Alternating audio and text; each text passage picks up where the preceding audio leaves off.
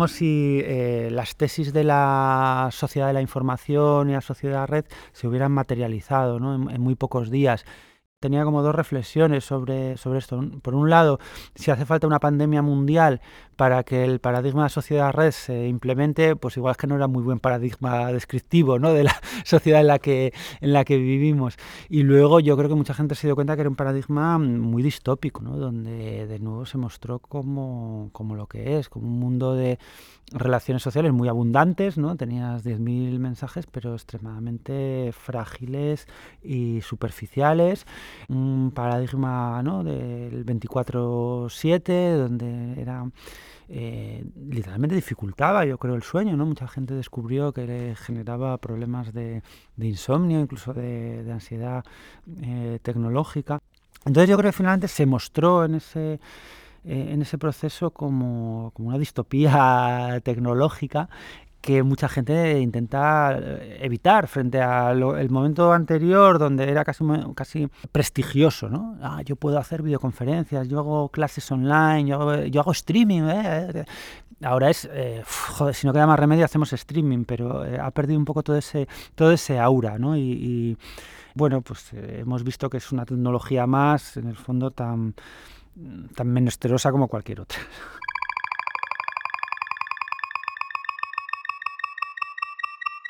César Rendueles es filósofo, sociólogo, comisario, gestor cultural, docente, columnista, ensayista, aficionado al deporte y padre de familia, entre otras cosas. Fue el responsable de la coordinación cultural del Círculo de Bellas Artes de Madrid durante ocho años, editor de textos clásicos de Karl Marx, Walter Benjamin, Karl Polanyi, Jeremy Bentham y Antonio Gramsci, y en la actualidad sigue escribiendo y ejerciendo como profesor de sociología en la Universidad Complutense de Madrid.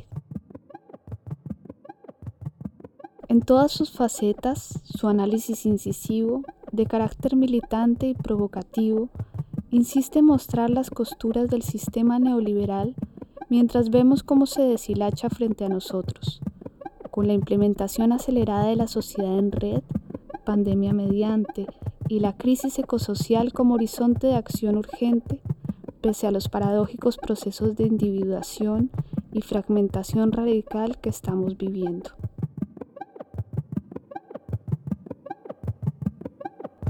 Conversamos con César Rendueles con las páginas de Contra la Igualdad de Oportunidades, un panfleto igualitarista, aún con olor a tinta fresca. Charlamos sobre el mito de la conectividad universal y las distopías tecnológicas. Hablamos sobre necropolítica, necroeconomía y la importancia de los vínculos en los procesos de transformación social. Entramos en los museos, las bibliotecas y las escuelas para abordar las problemáticas de los proyectos públicos y las posibilidades de la socialización igualitaria y de la imaginación política. Nos metemos en la vida y el mercado, el trabajo y los cuidados, la salud y los negocios, la meritocracia y los privilegios, para señalar la fragilización compartida y la obligación común de pensar en la economía de otra manera, sabiendo que nunca partimos de cero.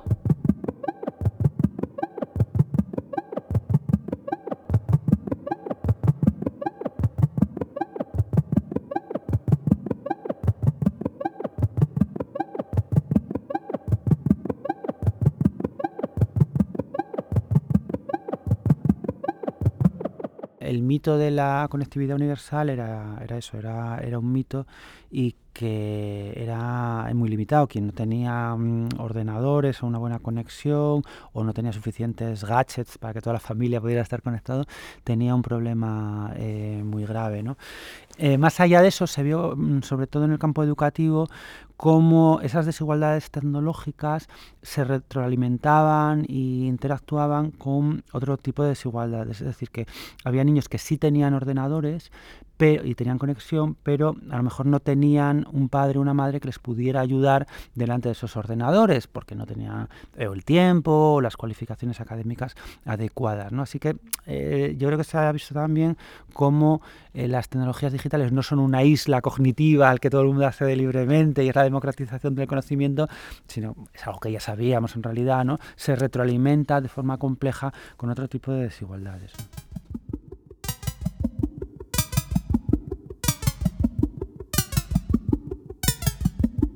Bueno, yo, creo que la, pandemia tiene un primer efecto que es ser una especie de lupa ¿no? de, procesos que ya estaban en marcha, muchos de ellos relacionados con la, con la desigualdad, de repente, ¿no? pues es como que cuestiones que mm, de las que éramos conscientes, pero que más o menos teníamos naturalizadas, asimiladas en nuestra vida cotidiana, que eran, bueno, pues más bien materia de, estudio teórico, como la crisis de los cuidados, pues se vuelven insoportables, ¿no? De, repente, o la crisis de la sanidad, pues más o menos ibas sobrellevándola, a no ser que tocara muy de cerca a ti o en un familiar, bueno, pues como, como proceso colectivo la crisis de la sanidad se iba sobrellevando, los problemas de la educación pública, y de repente eh, ¿no? tenemos un acontecimiento que es una especie de lupa que hace que todo eso estalle y, se vuelve insoportable en, en nuestra vida cotidiana, no solo en un de, poquitos en poquitos, que era lo que pasaba antes, ¿no? que de poquitos en poquitos iba siendo insoportable, sino muchísima gente a, la vez. Y también se ha hecho evidente pues, que, eh, que la desigualdad influye mucho en la posibilidad de encontrar salidas individuales a esas situaciones eh, tan complicadas. ¿no? Pues efectivamente, eh, si tienes dinero para hacerte una prueba privada de, de COVID, pues es menos problemático la, la crisis de la sanidad pública ese razonamiento, esa imagen ¿no? de, la pandemia como, una lupa, como una lente de aumento que muestra las costuras eh, que se iban deshilachando, rompiendo de, eh, nuestro sistema, es, muy cierta. Dicho esto, también es verdad eh, que se da un proceso inverso de, de, ocultamiento. Y mm, un proceso de ocultamiento que a mi juicio se ve muy bien en aquellas eh, posiciones que han visto la pandemia como una especie de ventana de oportunidad, ¿no? de ventana de Overton, por, por utilizar ese, ese símil, ¿no? que dicen, no, ahora sí vamos a poder impulsar, por ejemplo, eh, políticas ecosocialistas, porque la gente se va a dar cuenta ¿no? de cómo es una catástrofe, de los efectos que, tiene. Y creo que no es verdad. De hecho, eh, muchas veces en estos procesos mm, se dan dinámicas muy nihilistas, ¿no? al revés, se, normaliza el nihilismo. Eh, y eso puede pasar perfectamente, ¿no? que nos habituemos a a vivir mal, a que las cosas vayan peor y a que la crisis ecosocial, pues qué se le va a hacer. De hecho, yo creo que tenemos ejemplos cercanos de que de que esto pasa. En Latinoamérica yo creo que pasó eso desde los años 90 en muchísimos lugares o en, amplios periodos, ¿no? Dinámicas eso de bunkerización de las élites por una parte y de un cierto nihilismo social en el sentido de una incapacidad para emprender proyectos eh, colectivos con ciertas aspiraciones de transformar las cosas. Así que eh, yo, yo sí veo las dos cosas, que la pandemia muestra algunas cosas pero también oculta posibilidades eh, a, veces. Yo creo que esa idea del cuanto peor, mejor es extremadamente equivocada. Yo creo que cuanto peor, peor.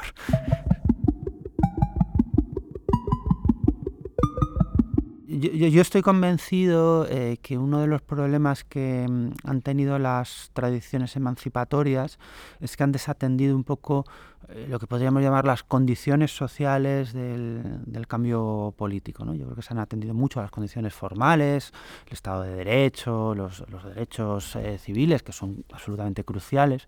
Se ha atendido un poco menos, pero mucho también a las condiciones materiales, ¿no? esta idea de que, bueno, pues eh, si, si no tienes acceso material a los medios de comunicación, pues la libertad de expresión es un poco una, un mal chiste. ¿no?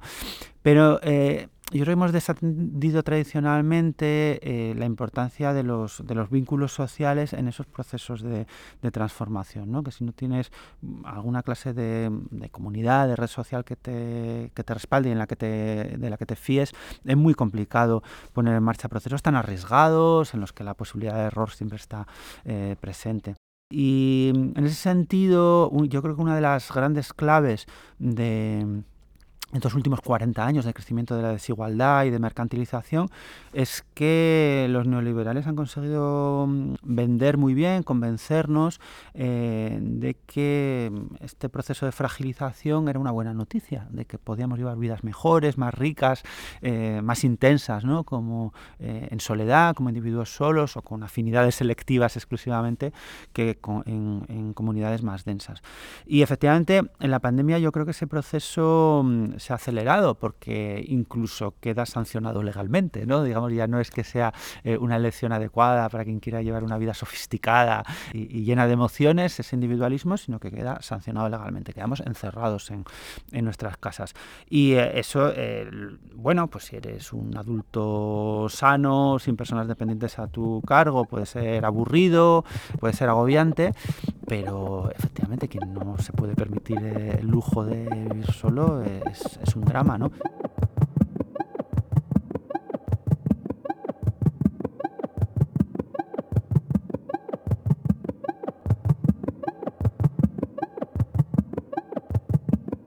Ha habido un, debate en el que yo me siento un poco incómodo porque más o menos el planteamiento es, eh, por un lado estarían los eh, neoliberales que apuestan por la economía eh, frente a la salud y luego estarían los progresistas em, que contestarían, no hombre, ¿no os dais cuenta que un país saludable es también un país que puede, en el que puede prosperar mejor la, economía, la buena salud es una precondición de las economías fuertes?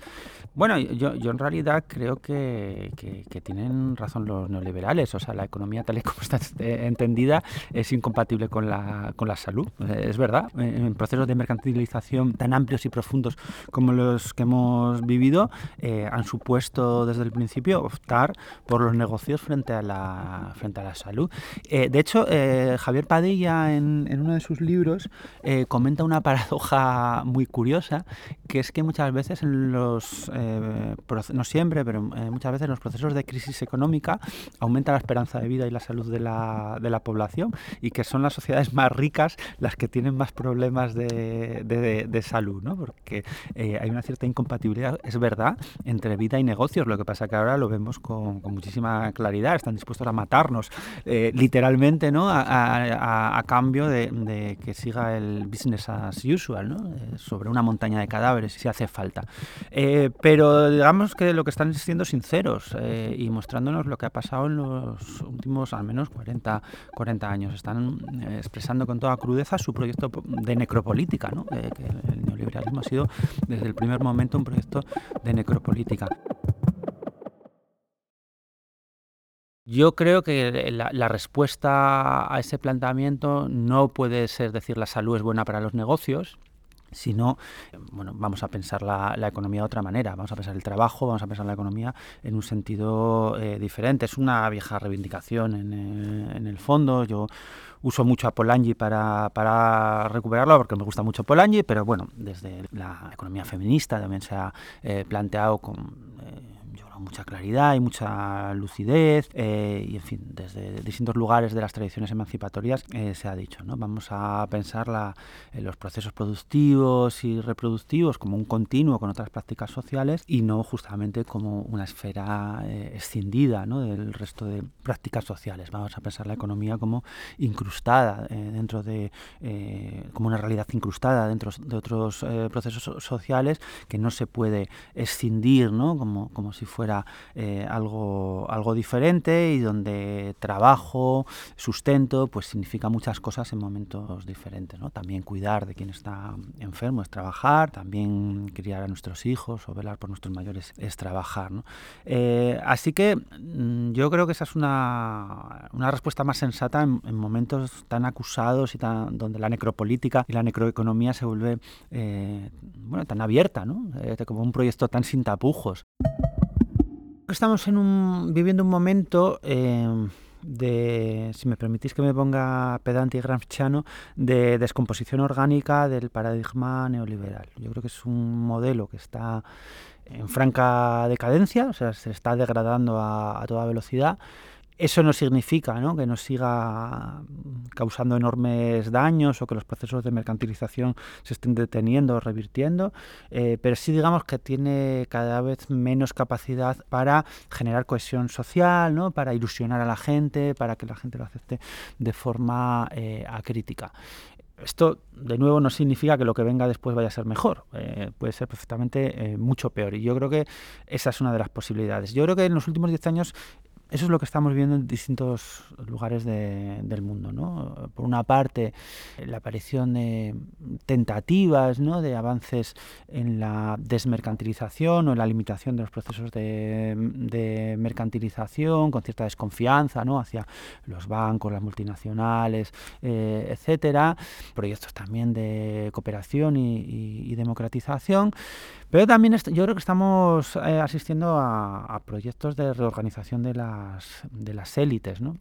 que saben captar bien la desconfianza hacia o hostilidad hacia una parte del capitalismo, pero consiguen o intentan ¿no? reintegrarla en nuevos modelos elitistas. Es, de nuevo, no sé por qué me sale de, repente tanta palabrería gramsciana, eh, es lo que Gramsci llamaba una revolución pasiva, ¿no? Y eso, yo creo que eso mm, eh, es muy peligroso porque a veces es difícil distinguirlo, a veces es difícil distinguirlo. Eso si, si, lo examinamos en otros países, ¿no? Como como en Francia, menos en Italia, ¿no? O sea, la estrategia del Frente Nacional ha sido de una manera inteligentísima, justamente, captar esos mm, movimientos de rechazo hacia algunos aspectos de la mercantilización o del capitalismo, pero apelar también al miedo, al conservadurismo, ¿no? a la aversión al riesgo, a los grandes cambios de, la gente. Decirle, sí, sí, es verdad, tiene usted razón, el capital financiero internacional tiene la culpa de todo esto, pero mm, apoyemos al capital nacional, ¿no? al capital industrial nacional, eh,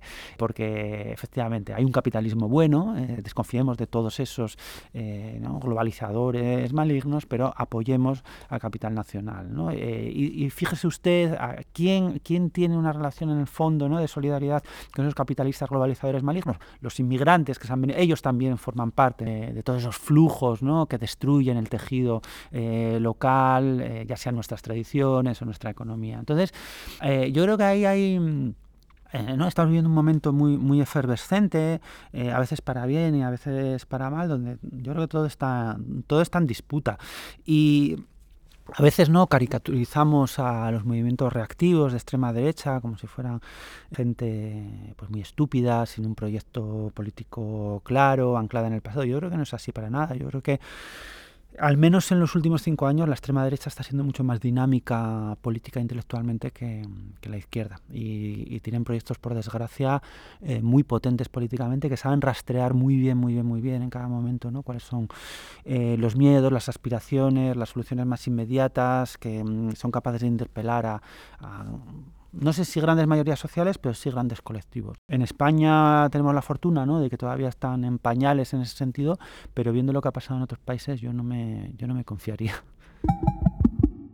los momentos de crisis de, los proyectos mercantilizadores son siempre momentos de repolitización. O sea, digamos que el mercado funciona un poco como dique de contención ¿no? de, las pasiones políticas, de los proyectos políticos. Dicen, bueno, usted confía en el mercado que ya irá generando concordia, que irá generando soluciones a, todos esos problemas sociales o políticos. En el momento que esas ilusiones se desmoronan, que es lo que yo creo que ha pasado a partir de 2008, pues reaparece como un tsunami eh, político. Yo creo que en 2010 2011 vivimos un tsunami mm, eh, democratizador, igualitarista en todo el mundo. Seguramente su última expresión fue el movimiento feminista ¿no? de, todo ese ciclo que pasó bueno, pues desde la primavera árabe, el 15M, los Occupy, luego distintas eh, iniciativas electorales, parlamentarias, institucionales y seguramente su última expresión, tal vez la más potente, eh, en el sentido que es la que más ha cambiado, ¿no? el sentido común, nuestra manera de vivir ha sido el, eh, la, revuelta feminista de los últimos años, pero eh, yo creo que también hay contramovimientos reactivos, o sea, porque yo creo que es un error pensar que la repolitización va a ser siempre progresista y emancipadora. No es verdad, repolitizar también es también son repolitizadores los movimientos nazis, fascistas y de extrema derecha. ¿no? Eso también es repolitizar, por desgracia. Cuando abres la caja de los truenos de la política, es bien posible también que haya, aparezca esa clase de tendencias. Y yo creo que en, particular en España estamos viviendo el, 15M de la extrema derecha. eso es lo que ha sido la España de los balcones, es el 15M de la, de la extrema derecha, se ven con, con mucha fuerza. Creo que aquí, también por las características sociológicas de, de la derecha, no, está, no se está produciendo todavía el tipo de giros que sí se ha producido en otros países, donde de repente la extrema derecha consigue, eh, por ejemplo, eh, apropiarse de una parte del discurso feminista o del discurso eh, antihomófobo o, incluso del discurso ecologista, cada vez hay más un nacionalismo verde, una especie de patriotismo ecologista o, algo por el estilo. yo creo que eso todavía aquí no ha pasado, pero puede pasar, pero puede pasar perfectamente. Es decir, que aparezcan no solo como un polo ¿no? de, antagonismo, de, contramovimiento reactivo, sino que incluso se vayan apropiando de, eh, pues esos espacios de prácticas y discursos que desde la izquierda, sobre todo en los últimos diez años, se había conseguido trabajar y establecer como, como un espacio propio. ¿no?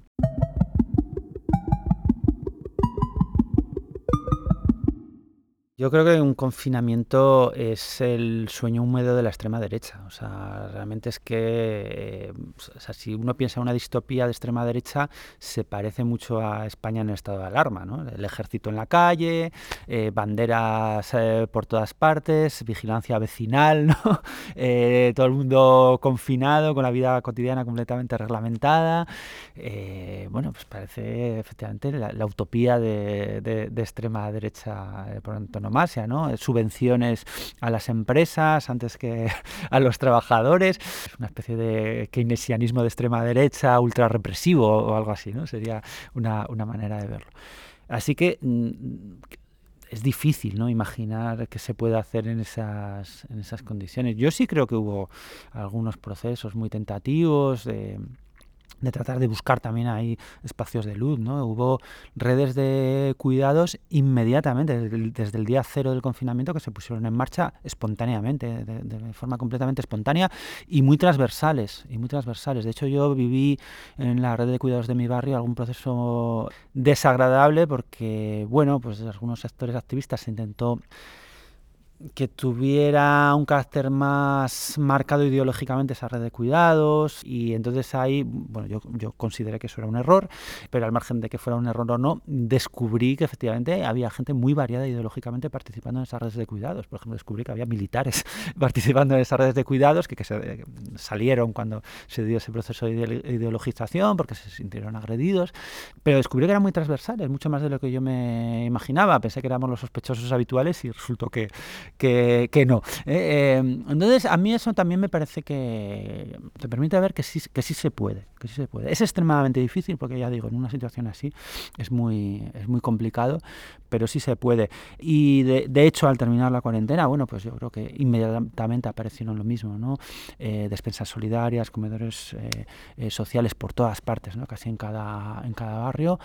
Y de hecho yo, uno de los reproches que tengo que hacer a, las organizaciones más, más instituidas, ¿no? que participan más de la política institucional, parlamentaria, municipal o autonómica, es que no han sabido estar a la altura de, eh, de, eso, de, esos movimientos espontáneos. ¿no? A mí me hubiese gustado pues, ver que, bueno, yo soy de Madrid, ¿no? pues que Más Madrid o Podemos eh, cedían sus sedes para que esos eh, comedores o despensas solidarias realizaran su, su, actividad o que apoyaran de alguna forma. me consta que muchos individuos que forman parte de esas organizaciones han estado ahí, ¿no? pero no solo como individuos, sino también orgánicamente. Yo creo que o, sabemos aprovechar esos, esos microespacios que se van abriendo, muchos fracasarán sin duda y se quedarán en eso, en, microprácticas, pero tal vez otros, prosperen. O estamos atentos y atentas a, esas micro oportunidades, o si no, esto me temo que va a ser una pisonadora.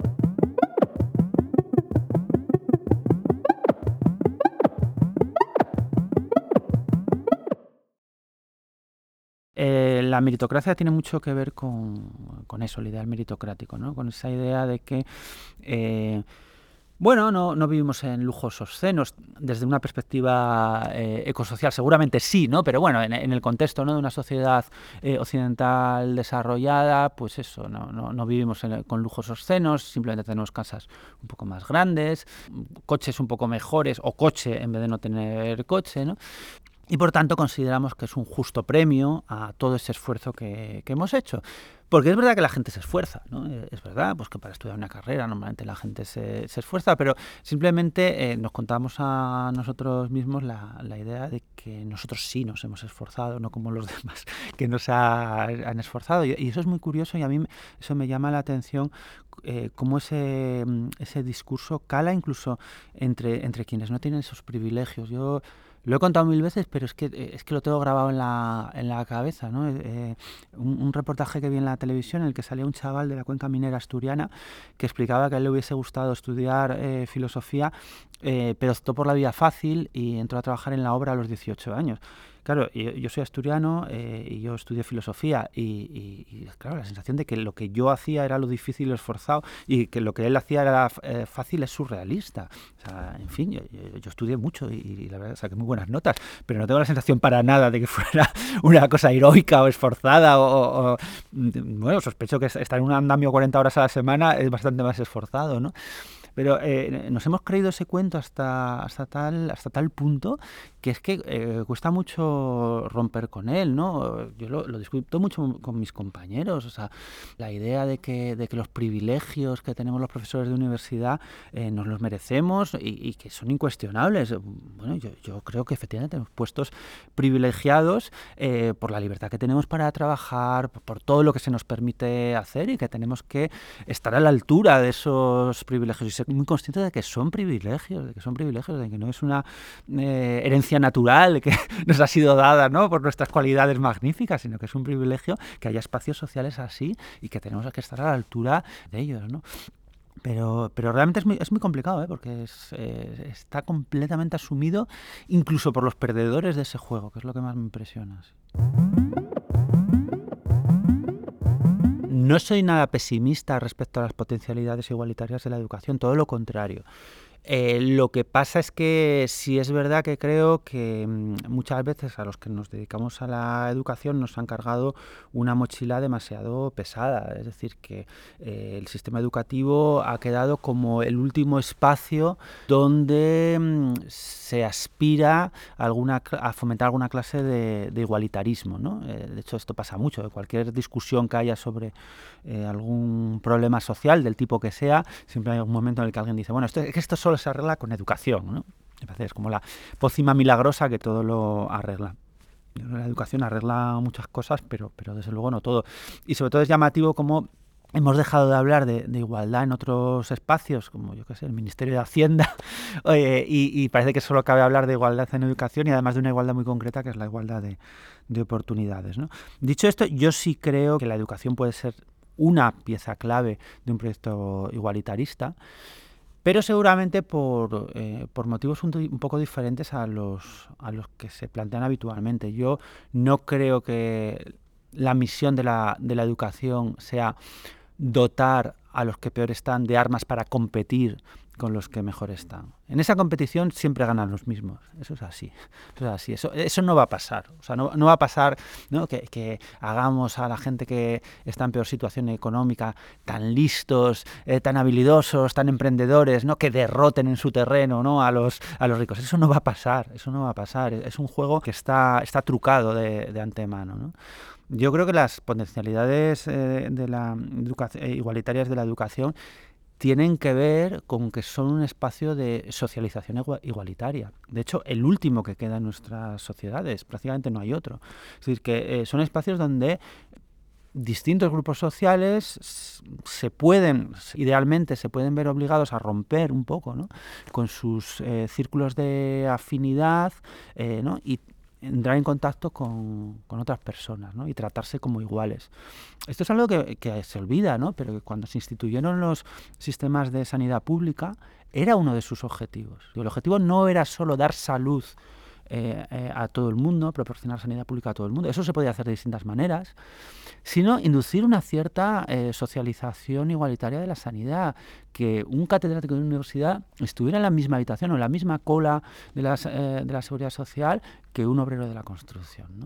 y yo creo que es una lección muy importante, que precisamente queda cortocircuitada eh, esa potencialidad en un sistema como el español que da tanto peso a alternativas eh, intermedias como es el sistema de conciertos educativos.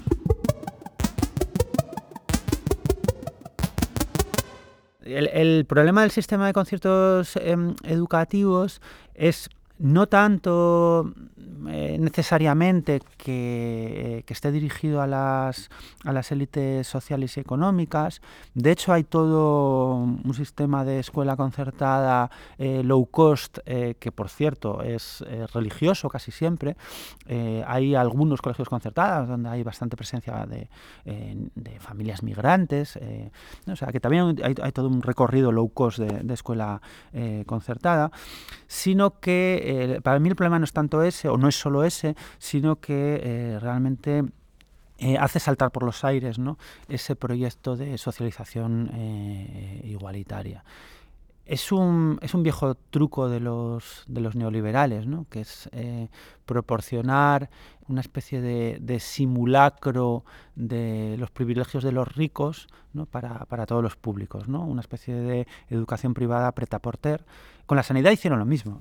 yo recuerdo Esperanza Aguirre en, Madrid, cuando empezó a impulsar las privatizaciones de, hospitales, de la gestión hospitalaria, lo que lo defendía diciendo algo así como, bueno, pero en estos nuevos hospitales mm, vamos a tener eh, habitaciones individuales, con tele en cada uno, la comida será no sé cómo.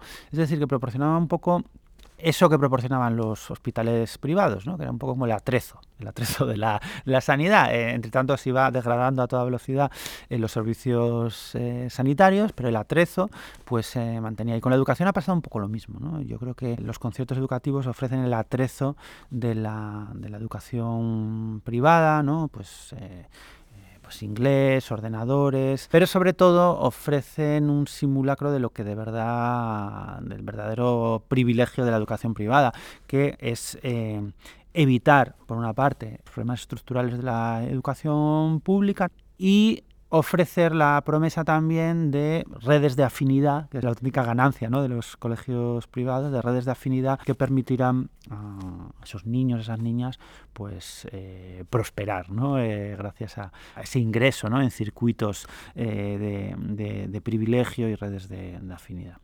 Bueno, yo ya digo, eso creo que tiene efectos académicos, educativos, em, que tienen que ver bueno, pues con, también con la polarización educativa, pero sobre todo nos hace perder fe en, esa, la importancia ¿no? de esa experiencia de la socialización igualitaria, que yo creo que es una, una de las grandezas ¿no? de, los, de los proyectos públicos. Eh, no, no, solo su capacidad para suministrar bienestar ¿no? a, las ciudadanas y ciudadanos, sino también para generar experiencias de socialización compartida.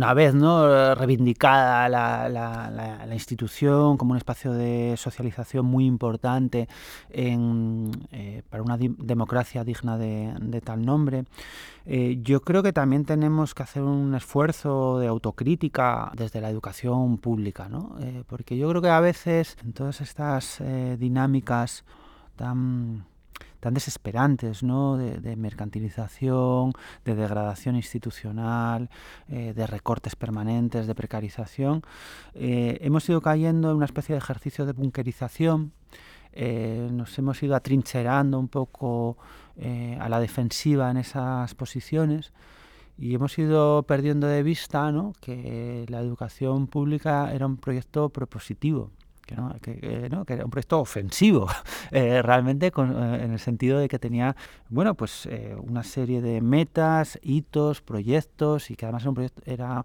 un proyecto muy innovador. y a mí me parece muy importante que hagamos ese, ejercicio, o sea, porque la educación pública yo creo que también es, es muy importante decirlo, justamente para, para recuperar ese, la potencia de ese, de ese espacio.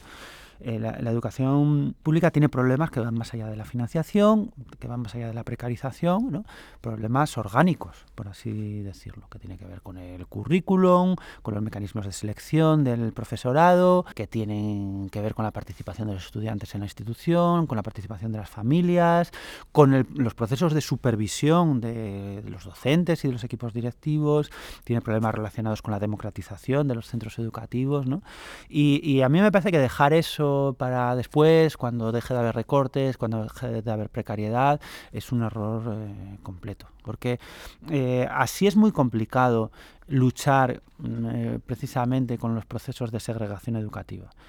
De hecho, lo que está pasando es que la segregación está contaminando la educación pública. Cada vez hay más colegios públicos, cada vez hay más educación pública que se comportan como colegios privados. Eh, y, por ejemplo, introducen dinámicas de segregación dentro de los propios colegios públicos. Y esto es increíble. ¿no? Yo, estoy harto de ver expulsiones encubiertas, por ejemplo. Creo que ahora ya es eh, ilegal, pero durante eh, algún tiempo una práctica habitual en muchos colegios era expulsar a algunos niños expulsándolos del comedor expulsándolos del comedor. Una cosa completamente civilina y maquiavélica, ¿no? De, eh, porque claro, eh, bueno, pues la gente con menos recursos no se puede permitir eh, muchísimas veces llevar a los niños a casa a comer porque los padres y las madres están trabajando. Así que expulsando a un niño del comedor, que es una cuestión administrativa que no requiere ningún tipo de supervisión por parte de las autoridades educativas, le expulsas del colegio, ¿no? por ejemplo. Entonces, lo que está pasando yo creo es, es una colonización de lo, de lo privado dentro de lo propio público. Para, em, para revertir esos procesos yo creo que ya digo, no basta con pensar en, en el búnker, en cómo resistimos al siguiente recorte. Yo creo que eh, hay que recuperar la, ofensiva y, defender que, podemos ofrecer no solo mm, educación para todos, sino la mejor educación para todos.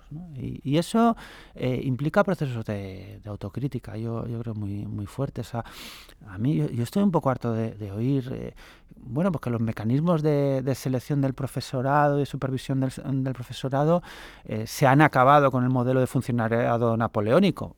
No lo sé si ese es necesariamente el mejor modelo para escoger a las mejores profesoras y los mejores profesores eh, posibles. Es muy escandaloso, eh, por ejemplo, que la universidad, eh, a mí nadie me ha venido a ver dar clase, nunca, jamás.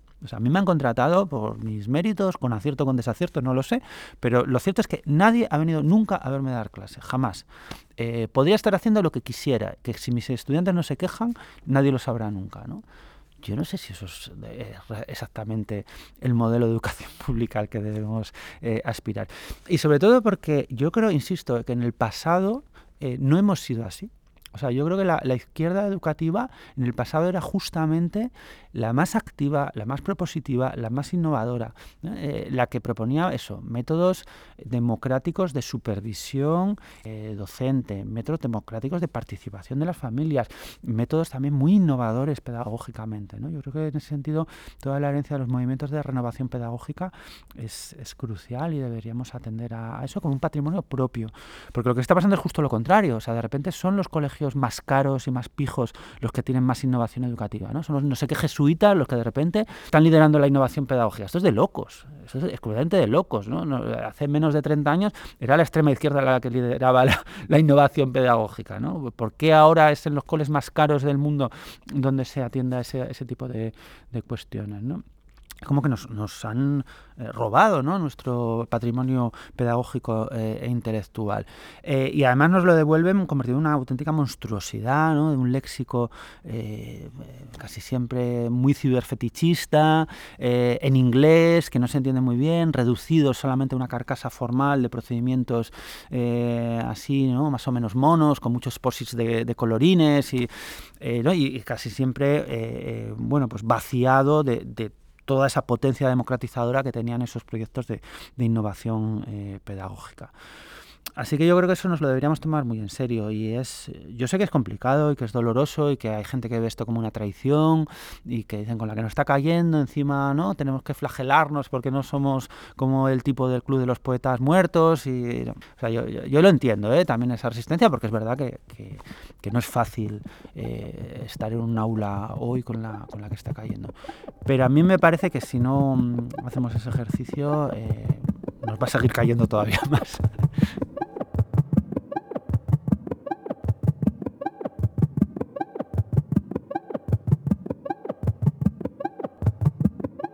Pensar la educación como una institución eh, que no sea una especie de control antidoping meritocrático, ¿no? sino que realmente forme parte de un proyecto igualitarista más amplio, eh, de repente hace que los coles, que los colegios o las universidades sean mecanismos explosivos, ¿no? o sea, que, pasan mil cosas a su alrededor, porque incluso ahora pasan mil cosas a su alrededor. ¿no? O sea, seguramente las, las AMPAs, las asociaciones de madres y padres, son de las ramas del asociacionismo más vivos, más vivas en este, en este país, ¿no? En los pasan, pasan muchísimas cosas en los patios y cerca, cerca de ellos. ¿no? Y abrir los colegios eh, y permitir que sean usados eh, es eh, siempre una garantía de que pasan cosas maravillosas y hay muchas veces una desconfianza absurda al uso que se de, de eso. De hecho, es, muy curioso, en mi barrio el único cole que está abierto es un colegio religioso. Ese colegio decidió abrir sus patios y sus canchas permanentemente y no pasa nada malo y pasan muchas cosas buenas. ¿no? De repente pues todo el barrio está ahí jugando al baloncesto y al fútbol y por la noche por ver a chavales que pasan por allí, no sé si alguna vez harán botellón, tampoco mucho problema, luego se limpia, eh, y pasan eh, mil cosas, ¿no? Cuando se pierde esa, esa desconfianza, porque, eh, insisto, yo creo que es, mucho mejor pensar en ese tipo de instituciones, no tanto como si tuvieran que ocupar eh, o tuvieran una responsabilidad enorme para fomentar la, igualdad en vez de otras que han dejado de hacerlo, sino como engranajes ¿no? de, un mecanismo mucho más amplio eh, que se va retroalimentando entre, entre sí. Pasa lo mismo con las bibliotecas. ¿no? Que son también sitios donde pasan mil cosas, aunque sus gestores hagan todo lo posible porque no pasen, pasan aún así, ¿no? Y, y si sus gestores hacen un pequeño esfuerzo, aunque sea, ¿no? Por, por, dejar que sí que pasen, entonces ya se convierten en sitios completamente explosivos, con sus conflictos, claro que sí, porque, porque para que pasen cosas tiene que haber también eh, eh, conflictos. Pero mm, yo creo que, que, mejoran esas instituciones porque permiten pensarlas de otra manera, y eso, eso yo creo que es una lección muy importante para mm, aquellas instituciones que ahora mismo se enfrentan a una situación muy complicada, como efectivamente puede ser un museo, porque le ofrece vías alternativas para, para repensarse a sí mismas, ¿no? No tan dependientes de modelos, de paradigmas que están en proceso de descomposición, como, como el turismo, ¿no? como cierto tipo de visitas, y resultar eh, o convertirse en, lugares más vivos todavía de lo que eran, ¿no? y, perder este aspecto un poco espectral que a veces tienen cuando bien hay una pandemia o bien hay eh, problemas con los flujos ¿no? de, eh, de gente que antes los, los habitaban.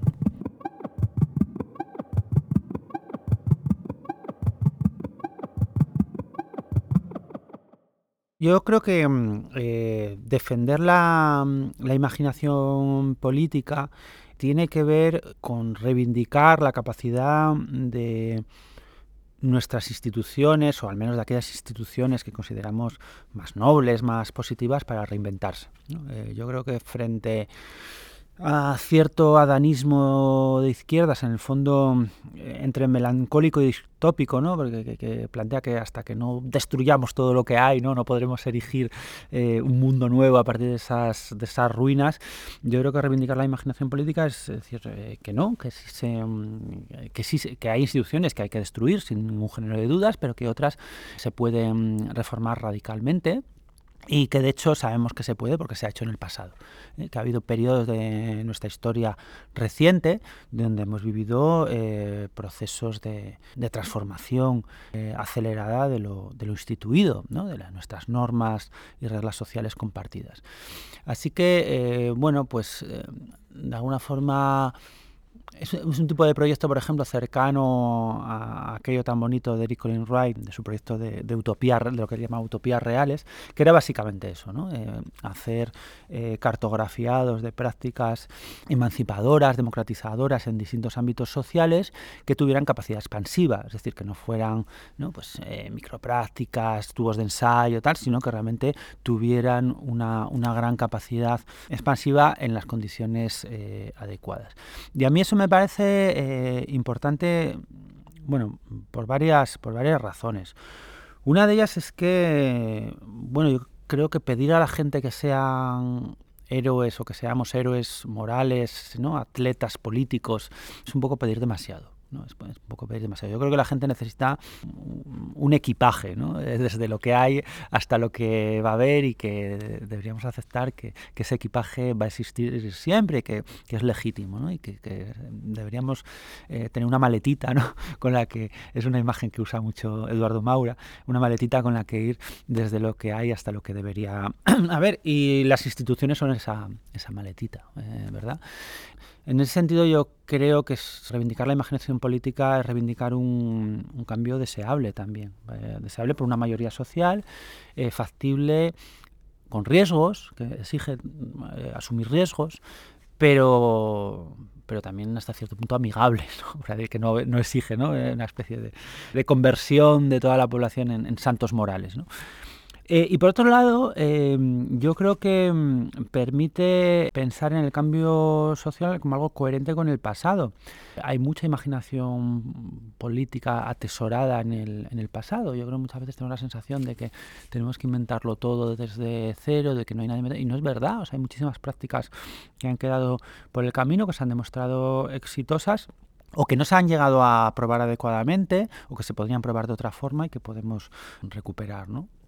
Y eso yo creo que tiene consecuencias prácticas importantes eh, y, lecciones yo creo para el futuro, lecciones respecto al pasado reciente y lecciones para el futuro también. Quiero decir que lo de la imaginación eh, política, la imaginación institucional suena, suena muy bonito, muy creativo y tal, pero en realidad exige un cierto mm, ejercicio de de, pragmatismo, ¿no? que tiene que ver con cómo poner en marcha o a través de qué proyectos o programas se ponen en marcha esas transformaciones institucionales. Eh, que yo creo que es algo muy amargo del ciclo político reciente de este país sobre, a lo que no le hemos dado vuelta suficientemente. ¿no? Eh, el modo en que sobre todo en ayuntamientos, ¿no? cuando de alguna forma, vamos a llamarlo así, el cambio, ¿no? el movimiento del cambio llegó a posiciones de poder, bueno, pues se encontró eh, sin un proyecto claro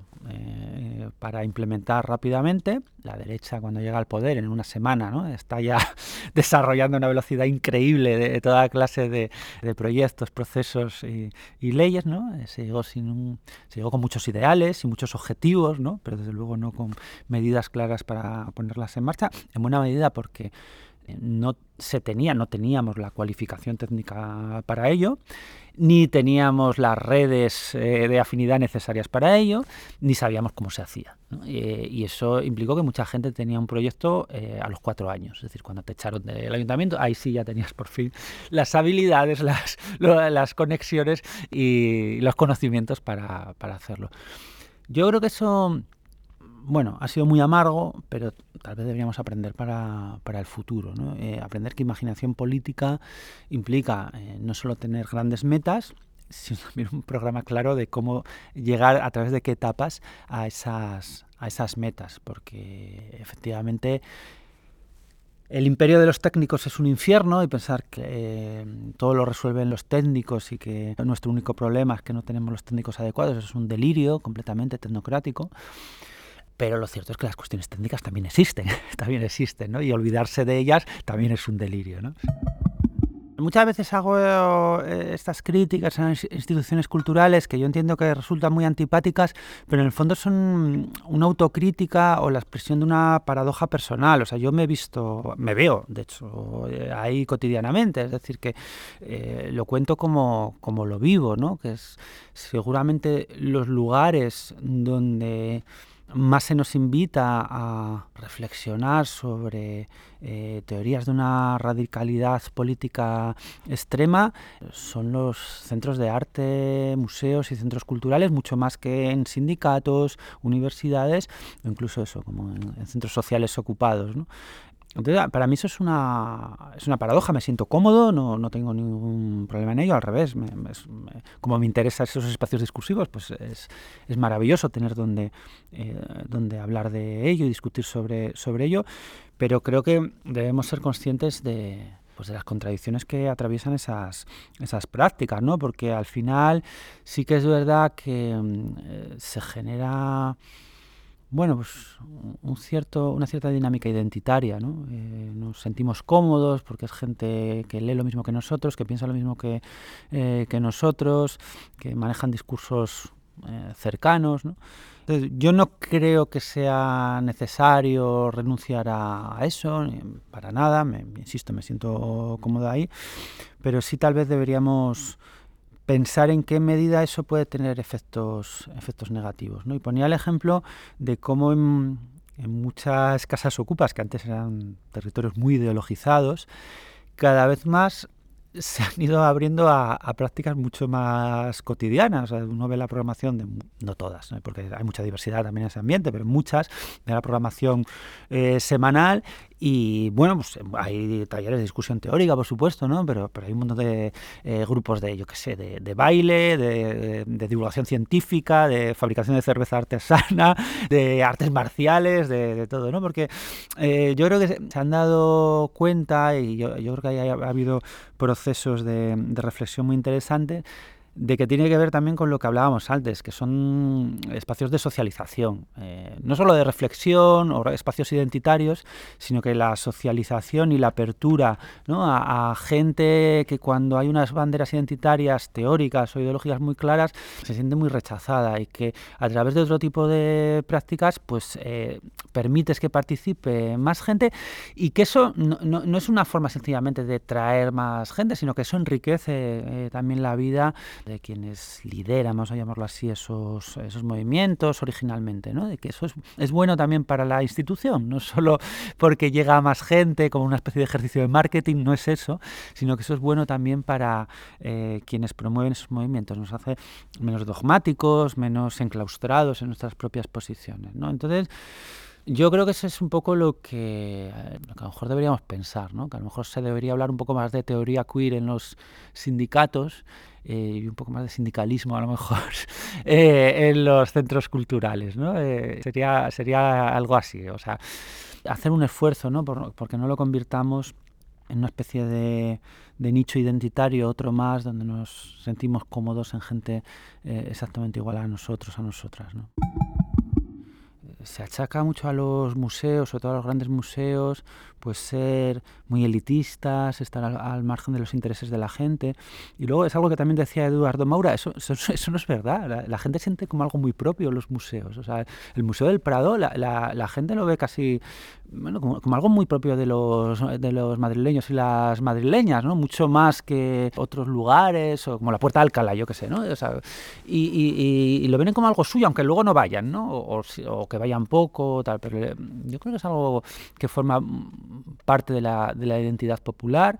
La gente que trabaja eso en, los museos o centros de artes también es, es muy plural. Entonces, yo creo que cuando se, se toma conciencia de que mm, ese elitismo muchas veces es muy impostado, de que esa falta de diversidad, ¿no? de nuevo también es, es muy forzada, eh, pasan cosas eh, muy, muy interesantes. ¿no? Y, y, además no es tan difícil, o sea que a veces parece que son cuestiones misteriosas que requieren seminarios de años dándole vueltas a, a, esto. ¿no? Y a veces es, es, todo más fácil de lo que parece. Yo en general, siempre que hablo con gente que se dedica a la intervención cultural, me dicen que una cosa que siempre funciona bien es traer a estudiantes, de enseñanzas medias o incluso de primaria a que participen activamente en, las conferencias, en las charlas, que mejoran las charlas. No, eso, no es que te permita que lleguen a más gente o que sea una cuestión de formación de público, sino que hace que, la actividad en sí sea mejor. ¿no? Y, yo creo que esa es una lección muy interesante, ¿no? porque te, das cuenta que, es más fácil de lo que a veces nos pensamos, que tenemos las herramientas ahí, que a lo mejor simplemente si escucháramos un poco más pues yo qué sé, al personal de, que se dedica a la vigilancia de las salas, eh, a lo mejor descubrimos algo interesante de lo que pasa en los, en los museos. Yo pasé bueno, muchos años trabajando en un centro cultural, el Círculo de Bellas Artes. Eh, es un centro muy peculiar porque primero es privado, pero no depende de ninguna fundación ni gran empresa, sino que es una de estas instituciones del siglo XIX, como los Ateneos, ¿no? fundada por sus socios, navegando a la deriva en el siglo XXI, porque claro, las condiciones económicas, sobre todo, para mantener un centro así, son muy diferentes. ¿no? Pero bueno, mm, digamos que sí viví muy de cerca toda esa eclosión de centros culturales que se, llamaban de nueva generación en aquel momento, ¿no? con programaciones muy innovadoras, casi siempre alineados con un edificio de marca, ¿no? de algún arquitecto eh, prestigioso muy relacionados también pues, con todo el paradigma de las ciudades creativas, las eh, industrias culturales, eh, que en ese momento pues, tenía mucha pujanza. Hoy parece un poco viejuno y casposo todo eso, pero en aquel momento parecía, eh, o eso se nos decía algo, algo prometedor. ¿no? Y mm, yo creo que ahí hubo procesos muy interesantes. Yo también defiendo que los eh, esos centros culturales y esos eh, museos sirvieron en un momento muy hostil, ¿no? de refugio para discursos y prácticas que no tenían muchos más lugares ¿no? donde desarrollarse. O sea, quiero decir que esa, eso que decía antes eh, de cierto identitarismo ideológico y teórico es en parte ¿no? el resultado bueno pues de que en esos espacios se abrió un lugar acogedor para gente prácticas y discursos que, en aquel momento veía mucha hostilidad en la universidad, pero también en otros, en otros espacios sociales. ¿no? O sea, que yo creo que eso también es digno de ser mencionado y, bueno, es de justicia reconocerlo. Pero a mí me parecía que de alguna manera en ese proceso a veces nos hacíamos un poco trampas al, solitario ¿no? y que nos contábamos historias que no eran verdad. De nuevo lo digo en, primera persona porque yo, yo participé de, de todo eso. ¿no? Y yo creo que muchas veces lo que, lo que no nos decíamos es que éramos la, la cara amable de la, de la, especulación inmobiliaria. O sea, realmente lo que estábamos era fomentando una especie de especulación inmobiliaria de rostro humano. La, la mala, la chunga era la de las autopistas y la nuestra era la buena, ¿no? la, de, los eh, centros culturales de hormigón y, acero cromado. ¿no? Y que claro, tenían contradicciones que asumíamos y hacíamos una exposición sobre el turismo, pero bueno, podíamos eh, transformar eso y tal. Y, yo creo que no es verdad. De hecho, a mí me parece que muchas veces las críticas que hacíamos tenían que ver más bien con la mercantilización de la cultura, con cómo había extraños movimientos para las empresas introducirse en el campo cultural y artístico ¿no? De alguna forma aprovecharse, lucrarse de todo eso. Yo me di cuenta, y es lo que pienso ahora, que eso realmente tiene muy poco sentido. O sea, la, cultura y las artes son muy mala mercancía. El turismo es buena mercancía, o sea, da dinero vender postales del Guernica, pero poco más. O sea, realmente cualquier empresa con dos dedos de frente haría mucho más, mejor en dedicarse a, vender fármacos o droga o armas que, que a vender cultura o arte porque da, muy poco dinero. El turismo sí, el turismo da dinero, la, cultura no, no mucho. ¿no? Y que esos, esos miedos que teníamos ¿no? de, acerca de la mercantilización del arte y la cultura eh, realmente estaban mal enfocados, porque lo que estaba pasando más bien era un poco lo contrario, es decir, que lo que estaba pasando es que los discursos gerenciales se estaban culturizando, es decir, que nuestro discurso de la innovación, las industrias creativas, estaba pasando a gran velocidad y siendo asimilado con mucha naturalidad por, eh, por las empresas, los discursos laborales. ¿no? Y eso, eso, lo veías perfectamente, o sea, te entendías perfectamente, por muy radical que fuera tu discurso, por muchos autores leninistas que citaras, te entendías perfectamente con eh, grandes empresas, sobre todo tecnológicas, interesadas ¿no? en esas dinámicas creativas, innovadoras, de flexibilización, y, eh, innovación personal y autodesarrollo. ¿no? Entonces ahí, eh, ya digo, yo creo que seguramente, no, seguramente porque no había mucha más alternativa, ¿no? Yo creo que los discursos críticos en cultura, eh, bueno, nos hicimos un poco eso, trampa nosotros mismos, nos contamos un cuento bonito, pero que tenía una cara, una cara oscura que tiene en buena medida que ver con nuestra propia insignificancia, nuestra propia trivialidad, nuestra propia impotencia. Yo creo que nos dijimos que éramos muy importantes, muy guapos y muy listos de nuevo, y lo que pasa es que realmente no importaba gran cosa.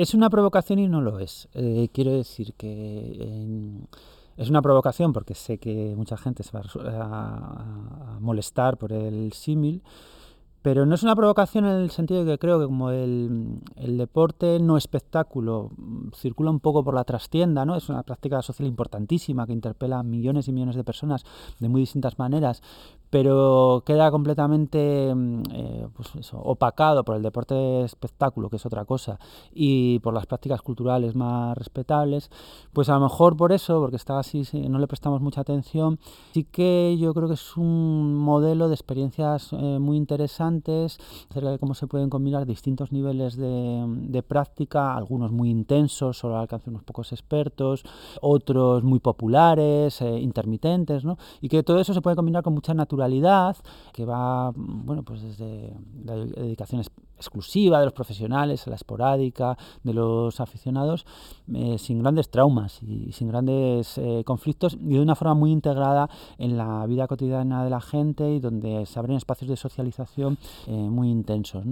así que sí es una provocación, pero, pero también yo, me, la, me, la, tomaría, me la tomaría muy en serio, porque al final me doy cuenta de que las prácticas culturales que más me interesan desde ese mm, punto de vista igualitarista, pues se parecen bastante al tipo de deporte que me, que me, interesa. O sea, que las prácticas culturales que se dan eso, en una biblioteca, por ejemplo, o en un centro cultural intermedio, ¿no? los típicos centros culturales de barrio que suelen estar muy vivos, ¿no? Pues se parecen bastante a, las eh, prácticas deportivas semiestructuradas, que tienen un alto grado de autonomía, eso se forman, están muy incrustadas en la cotidianidad de la, de la gente. No sé qué lección se puede sacar, si es que se puede sacar alguna, desde el punto de vista de otras instituciones culturales, pero bueno, yo no, me, no me parece un mal símil, la verdad. Yo creo que los, eh, todos los discursos culturales críticos en cierto momento bueno, sirvieron no solo para eh, pensar o legitimar una especulación inmobiliaria de rostro humano, sino también para legitimar una precarización de rostro humano. ¿no? Eh, es decir, un tipo de precarización que casi parecía divertida, ¿verdad? Eh, porque efectivamente vivías un poco a salto de mata, en el sofá de un amigo, pero bueno, como eras trabajador intelectual o trabajadora intelectual, pues tenías una vida sofisticada, interesante, te colabas en una exposición, no sé qué, eh, al final casi parecía divertido, ¿verdad? Eh, que bueno, a lo mejor a los 22 años durante seis meses es divertido, pero, eso no es una vida, eso no es una vida. Pero que bajo todo ese mm, eh, ropaje ¿no? de, la, de la innovación, la creatividad, pues quedaba muy disimulado que en el, que en el fondo ya fuera redactor de una revista, videoartista o aspirante a gestor cultural, ni en tu remuneración eh, ni en tus condiciones de vida era tan diferente de ser teleoperador y estar cambiando de, compañía cada, cada, rato. Tenía que ver todo con el capital simbólico, mm, básicamente imaginado, porque es que tampoco es que tenga sean cosas con un gran prestigio eh, social, ¿no? Era más el capital simbólico imaginario del que nos eh, dotábamos. Entonces yo creo eso sí Creo que ha ido perdiendo fuelle realmente ese, ese, ideal, pero sí creo que funcionó durante, durante bastante tiempo, sobre todo en algunos espacios de las grandes ciudades y sobre todo en medio ambiente universitario. O sea, tuvo un impacto limitado, no voy a decir que colonizó toda la sociedad ni nada parecido, pero sí tuvo un cierto impacto social. Y yo creo que ahora mismo es otro de los aspectos que el COVID está mostrando las costuras, ¿no? O sea, efectivamente, ¿no? Estamos, em, eh, yo no, porque toda la suerte tengo un, trabajo fijo, pero, pero muchísima gente a mi alrededor es, eh, es lo que veo, ¿no? Eh, incluso gente que pensaba que tenía la vida más o menos organizada se encuentra con que no, también ellas y ellos viven como redactores de un periódico digital cobrando 40 euros por pieza, que es lo que, lo que están eh, cobrando, ¿no? y que todo el mundo se ha visto arrojado a esta precarización permanente donde tienes que estar inventando. Yo esto lo, he explicado muchas veces. El, el mito del, del, emprendedor era un mito, era, era un modelo tercermundista, literalmente. O sea, digamos que en Estados Unidos, por ejemplo, creo que era un porcentaje menos del 15% de, la, de los trabajadores trabajan por cuenta propia. En Ghana es el 90% el, modelo este de que todo el mundo trabaje por cuenta propia es el de ir a vender unos chicles al autobús, luego te vas a limpiar zapatos a no sé dónde, luego a buscar al basurero. Ese es el modelo del emprendedor por antonomasia. Los países donde dominan el autoempleo, la autoinnovación, son, países hundidos en la, en la, miseria.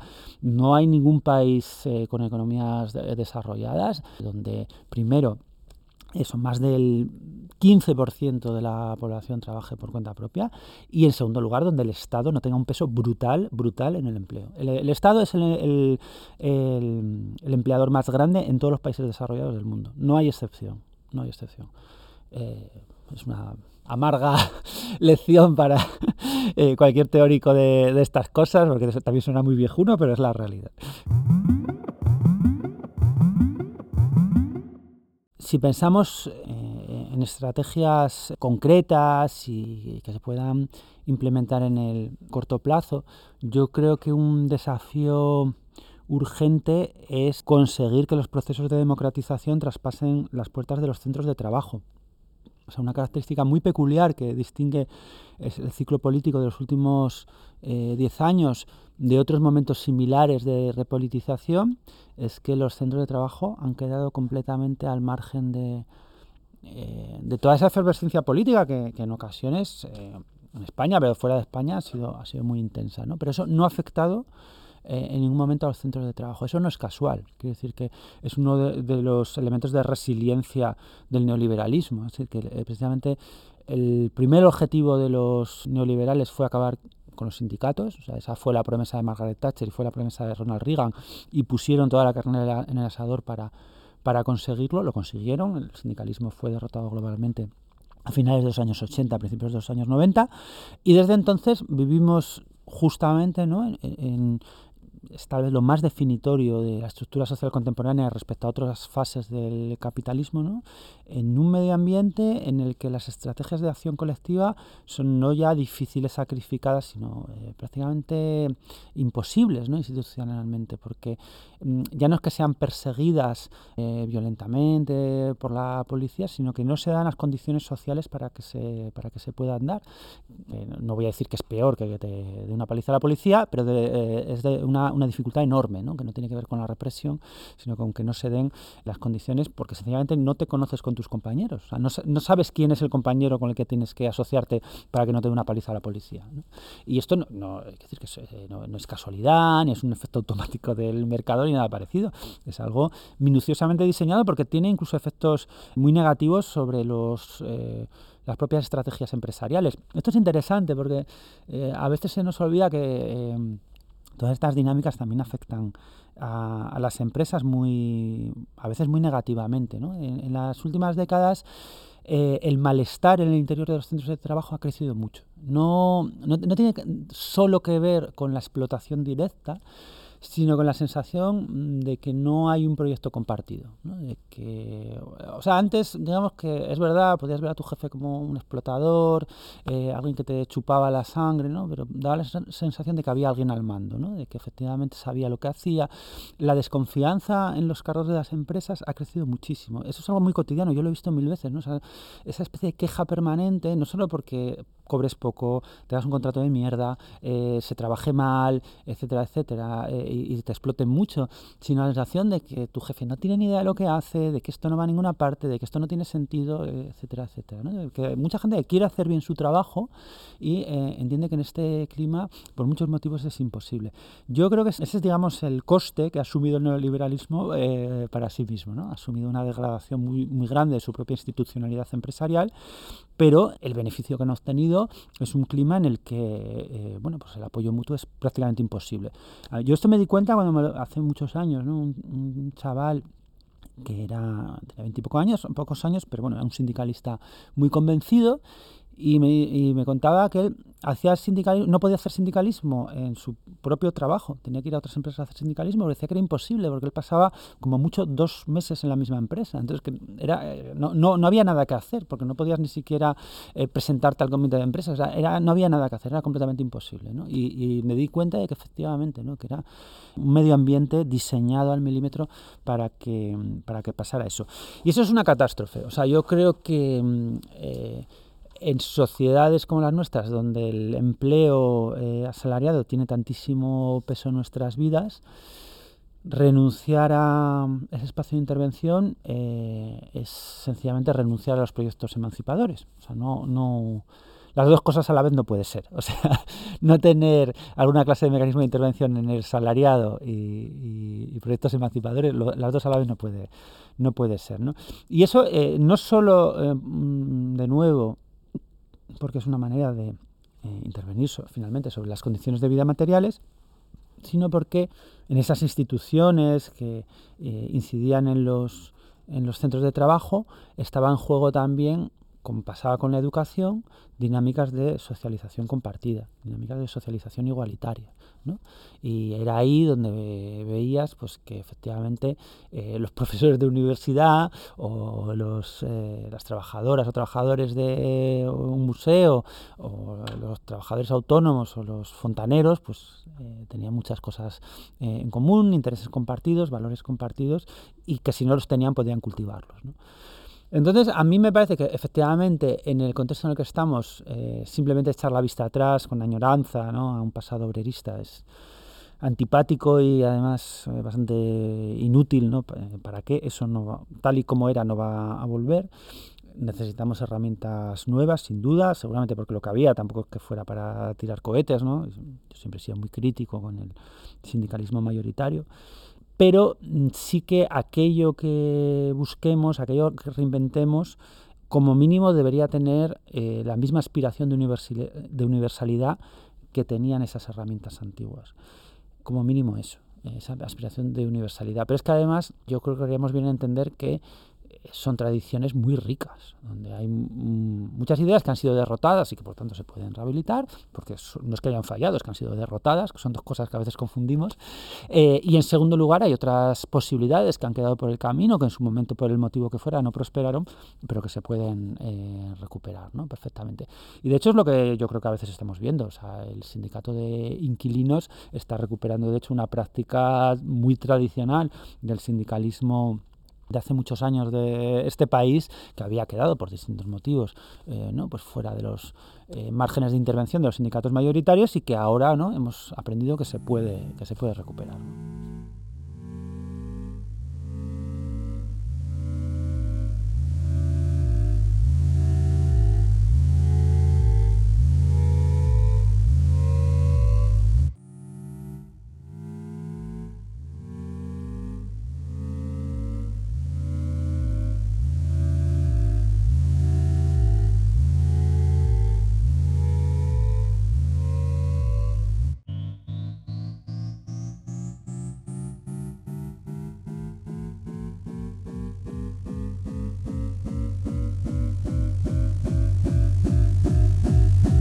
Yo creo que tenemos que, eh, efectivamente, pues abrir nuestra imaginación política e inventar algunas cosas, pero también recuperar, recuperar muchas. ¿no? Eh, un sector, por ejemplo, que de hecho en la última década ha tenido un proceso muy grande de, autocrítica, reinvención y, una cierta expansión en algunos lugares al menos el cooperativismo. El cooperativismo siempre ha tenido un peso muy importante en las propias economías capitalistas, o sea, es una práctica muy extendida. Y de hecho eh, es muy curioso, pero em, eh, España es la sede ¿no? de una de las mayores cooperativas del mundo, la cooperativa Mondragón, con todos sus grises y matices y claroscuros, que los, que los tiene, por supuesto, pero que es una experiencia que es mm, estudiada en todo el mundo y que, sin embargo, aquí casi no se le presta atención. Yo, vamos, de hecho, en la Facultad de Sociología yo no recuerdo que se mencionara ni una sola vez en todo el tiempo que estudié eh, yo allí, ¿no? Y, sin embargo, es una experiencia de la que hay muchísimo que, que aprender, porque eh, abre posibilidades, una vez más, ¿no? de mm, tomar instituciones que ya existen, que ya existen, que no tenemos que imaginar como una especie de comuna o de coaldea en la que todos nos iremos a vivir, pero que serán las grandes ciudades o algo así, que ojalá y sería maravilloso, pero que nos suena como muy lejano, sino que tomamos como punto de partida algo que ya existe y que podemos llevar por distintos eh, caminos y que tiene un bagaje acumulado acerca de, cómo se hace eso, eh, también técnicamente, de forma muy, muy detallada. ¿no? Y así que, ejemplo, el, cooperativismo.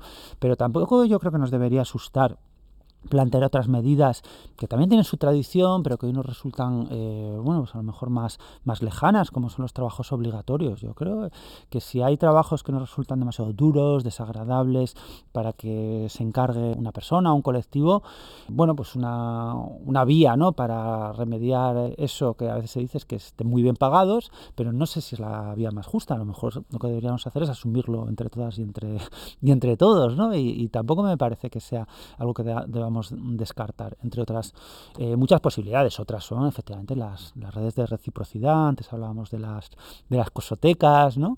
que, que también forman parte de nuestro, de nuestro presente. A mí cuando me hablan de los problemas de remuneración de, de libros, películas, yo digo, bueno, no sé, yo llevo escuchando música gratis toda mi vida, se llama radio pública, ¿no? Y, ni siquiera tienes publicidad y, leyendo gratis, se llama biblioteca, ¿no? no es una gran invención. ¿no? O sea que yo creo que ahí hay, tenemos un bagaje eh, más rico de lo que a veces nos creemos y en buena parte porque esa incapacidad para imaginar y recordar, y son dos procesos un poco de, de lo mismo, ¿no? ha sido socialmente inducida. ¿no? Una, parte significativa de las tradiciones emancipatorias se han sentido incómodas con algo que yo creo que formaba parte de su ADN y que a veces no han sabido reivindicar, ¿no? que es la idea de, de límites. ¿no? Esto yo creo que Santiago Barrico, por ejemplo, lo explica muy bien con esa idea que maneja él, ¿no? de, qué conservar, o sea, que, deberíamos, sobre qué deberíamos ser un poco reaccionarios, ¿no? en el sentido de qué deberíamos preservar, conservar frente a esta maquinaria destructiva que es el, mercado generalizado. ¿no? Y la idea de límites tiene que ver con, con eso, ¿no? frente a esa forma de imaginar las transformaciones sociales progresistas como una reinvención completa. ¿Os acordáis de aquella metáfora, eh, para mí tan desagradable, como metáfora incluso, ¿no? del hombre nuevo, eh, como si los procesos emancipatorios consistieran en un proyecto de demolición eh, absoluta a partir del cual ¿no? pudiéramos ya empezar a imaginar desde cero ¿no? todo de nuevas, porque nada de lo pasado sirve y donde se abriría un espacio infinito de posibilidades, como si fuéramos pura plastilina eh, histórica moldeable eh, a voluntad. Bueno, yo mm, creo que se, sobre todo desde la perspectiva ecosocial eh, se va mostrando cada vez más como un proyecto imposible, limitado y además que retroalimenta los procesos de subordinación, eh, los procesos más nihilistas. Eh, yo creo que aprender a hacer compatibles nuestras ambiciones eh, completamente legítimas de libertad con la idea de, límites, de que somos seres limitados, que solo somos moldeables hasta, hasta, cierto, hasta cierto punto, es convertir esos proyectos de liberación en más factibles y por eso mismo también, en cierto sentido, más ambiciosos. Yo creo que la, la ruptura de los o sea, la ruptura de algunos eh, límites heredados, eh, pues por ejemplo los que tienen que ver con la diversidad eh, sexual, es algo que deberíamos celebrar y son conquistas completamente irrenunciables. Pero no creo que eso signifique necesariamente que toda noción de límite debe ser expulsada de nuestros proyectos de, de nuestros proyectos políticos, de nuestros proyectos de vida. más bien al revés. Yo creo que eh, constituyen una, una herramienta ¿no? que tenemos que incorporar a nuestro bagaje para eh, pensarlos de, de, forma más realista. Claro, esto eh, ha sido yo creo muy antipático, muy rechazado, ha generado cierta hostilidad, ¿no? porque en el fondo tiende a remitir a concepciones sustantivas de la naturaleza, humana, es decir, a concepciones de nosotras mismas, de nosotros mismos, como eh, seres con una plasticidad limitada, que, tienen alguna, que tenemos algunas características perseverantes en el, tiempo. ¿no?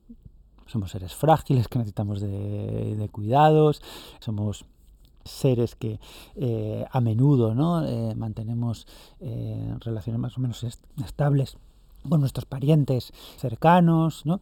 Y eso eh, es, muy conflictivo, ¿no? Porque implica seguramente que, no todo, que no todo es posible, implica también a veces algunas conexiones tenebrosas, ¿no? Con, el pensamiento reaccionario y yo creo que hay una tentación reaccionaria a veces en, cierta izquierda que yo, respecto a la que deberíamos tener mucho cuidado y ser, ser muy prudentes.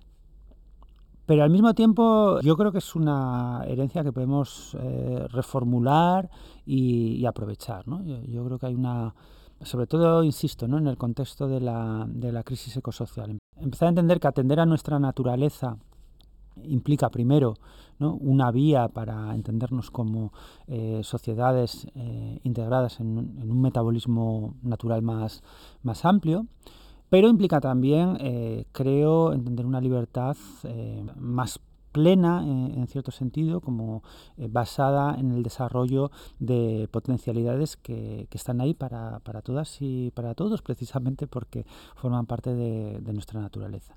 Es un terreno resbaladizo, yo creo que hay que ser muy prudentes, porque ya digo, yo creo que a veces hay una tentación reaccionaria muy potente de cierto voy a llamarlo así, anticapitalismo de derechas, que a mí me da siempre un miedo bordear ese, terreno, pero al mismo tiempo mm, me parece que tenemos la obligación de, explorarlo. no, no, creo que desde los modelos más antiinstitucionalistas, eh, lo que Jaime eh, ayer llamaba los modelos post-68istas, ¿no? Tengamos herramientas, mecanismos para afrontar el tipo de desafíos que nos plantea la, crisis ecosocial. Eh, desde ese punto de vista de la infinita, plasticidad, yo creo que es un callejón sin salida probablemente para muchas más cosas y para muchas más, problemas de los movimientos emancipatorios, pero al menos con toda seguridad para ese gran cataclismo, ¿no? ese gran desafío, esa gran prueba a la que nos enfrentamos en las próximas décadas.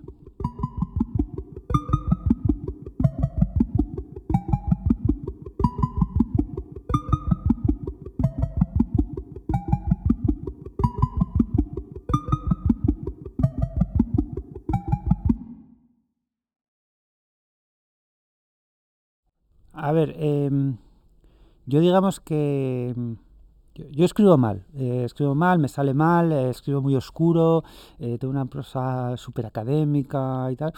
Entonces en cierto momento de mi vida me di cuenta de que tenía que hacer un ejercicio, no para escribir mejor, porque eso no va a pasar, pero sí por lo menos para limar algunos de esos de esas características que tenían mucho que ver también con mi educación académica y de mi socialización eh, universitaria y, académica y donde me había criado ¿no? Eh, intelectualmente en la Universidad de Filosofía.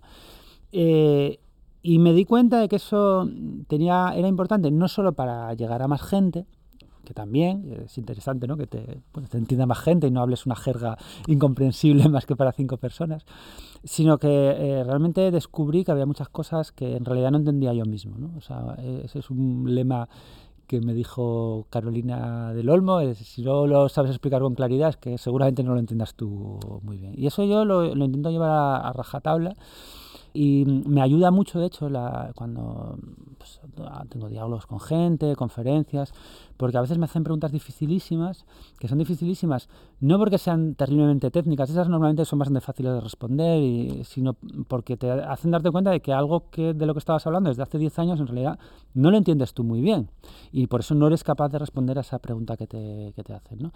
Así que yo, eh, en cierto momento, sí es verdad que hice un esfuerzo importante eh, por por escribir de otra manera, por escribir más, más claramente. Entonces, en ese proceso me di cuenta de que no era tanto que pudiera usar como recurso retórico chistes, películas o mi vida cotidiana, que también yo creo que es un recurso retórico interesante, que está bien y hace las cosas más divertidas, que no es poco, sino que em, al, al, tratar de explicarme con más claridad era muy natural introducir tu vida, tu vida cotidiana, porque ya no había ese, ese hiato tan fuerte entre lo que pensabas, decías y leías y tu vida, y tu vida cotidiana, ¿no? que de repente anécdotas encajaban muy bien para explicar una teoría eh, muy abstrusa, porque habías conseguido habías intentado contarla de una manera menos abstrusa.